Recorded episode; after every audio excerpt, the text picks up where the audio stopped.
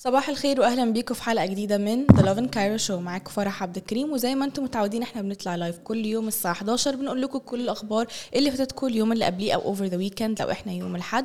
ولو فاتتكم أي حاجة في الحلقة تقدروا تشوفوها بالكامل على اليوتيوب أو تسمعوها in podcast form على أنغامي Spotify Apple Podcasts Google Podcasts وأي platform لل audio وبنفكركم ان إحنا كمان في Lovin اسكندريه وفي Lovin Red Sea ما تنسوش تعملوا follow ل Lovin اسكندريه و Lovin Red Sea و hashtag Lovin اسكندريه و hashtag Lovin Red Sea لأي content relating بيهم وأكيد هنعمل لكم repost وهنديكم credit النهارده خلينا نقول لكم الأول إيه هي ال headlines اللي معانا النهارده. معانا عن خبر عن فوري والشائعات اللي وردت الأسبوع اللي فات هنقول لكم إيه الحقيقة ورا الشائعات دي.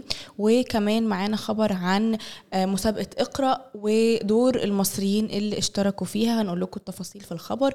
وكمان معانا آخر خبر وهو خبر لسه معمول الانونسمنت بتاعته يعني بالظبط من حوالي نص ساعة وهو عن المغتربين أو الأجانب في مصر وفترة المهلة اللي البلد هتديها لهم عشان يلحقوا يعملوا تأشيرات أو أو الفيزا الجديدة المطلوبة منهم. هقول لكم برضو التفاصيل في الخبر. خلينا نبدأ بأول خبر معانا النهارده وهو زي ما قلت لكم الخبر عن فوري. الأسبوع اللي فات وردت شائعات على ال social media وعلى كل ال platforms إنه في يعني تسريب للمعلومات من شركة فوري. وناس كتير كانوا قاعدين يقولوا شيلوا أي بيانات ليكوا شيلوا أي كروت ليكوا على فوري لأن كان في hack أو كان في تسريب للمعلومات على فوري وبعديها فوري نزل بيان قال فيه إن كل الكلام ده يا جماعة مش حقيقي مفيش أي تسريب للمعلومات وكله تمام وال security زي ما هي على platform فوري. ف كل الناس اللي شالوا البيانات بتاعتهم من على فوري ما تقلقوش رجعوا بياناتكم تاني زي العادي مفيش أي تسريب للمعلومات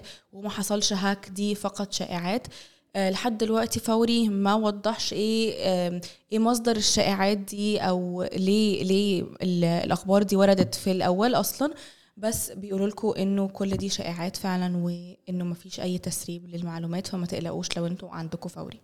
خلينا ننتقل لتاني خبر معانا النهارده وهو عن إثراء للقراءه اقرأ دي مسابقة مشهورة جدا و المفروض إن هي ابتدت الأول في السعودية وبعد كده انتشرت للعالم العربي كله. خليني أقول لكم إيه التفاصيل عنها.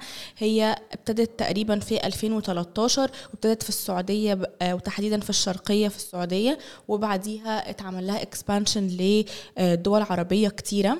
والسنة دي مصر يعني تصدرت أكبر نسبة من المشاركين في مسابقة إقرأ. خليني أقول لكم التفاصيل.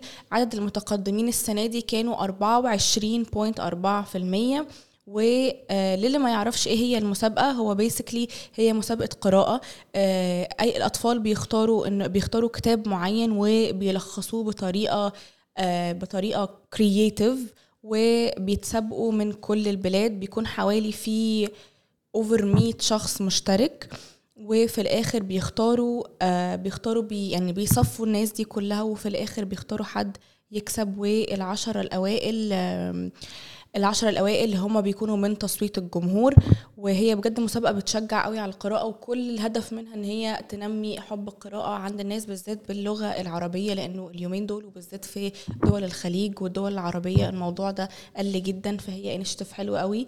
وحلو قوي إنه أغلبية الناس المشتركين السنة دي مصريين فده حاجة نكون فخورين بيها 24% من المشتركين مصريين.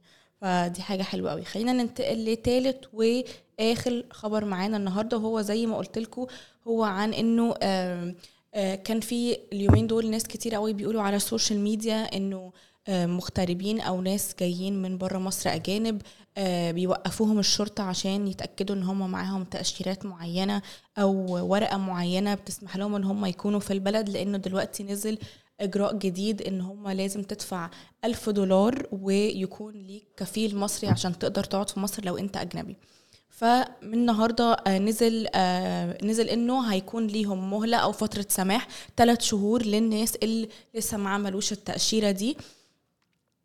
أو للناس برضو اللي عندهم عاملين من بره مصر دي فرصتهم إن هم قدامهم ثلاث شهور إن هم يدفعوا قيمة الألف دولار عشان العمال دول يقدروا يقعدوا هنا في مصر وما يضطروش إن هم يترحلوا على بلادهم. هقول لكم إيه هي التفاصيل. آه، زي ما قلت لكم الأجانب غير مصرح ليهم ليهم ثلاث شهور والشروط بتشمل إن هم يكون عندهم مضيف مصري والرسوم الإدارية هتكون ألف دولار أمريكي. والاجانب اللي عايزين يقعدوا هنا آه، للإقامة لأغراض السياحة أو غيرها لازم يدفعوا بالدولار الأمريكي أو العملات الأجنبية من خلال بنك محلي أو بيت صرافة مسجل مصري. ومن وكل الإجراءات دي معمولة ليه؟ معمولة عشان آه، معالجة نقص الدولارات اللي في مصر نتيجة الديون المتزايدة وضغوطات التضخم. فده من أسباب إن هم طلعوا القرار ده. وبرده for context القرار ده طلع بسبب إنه إحنا عندنا حوالي دلوقتي 9 آه، مليون أجنبي من من 133 دولة في مصر.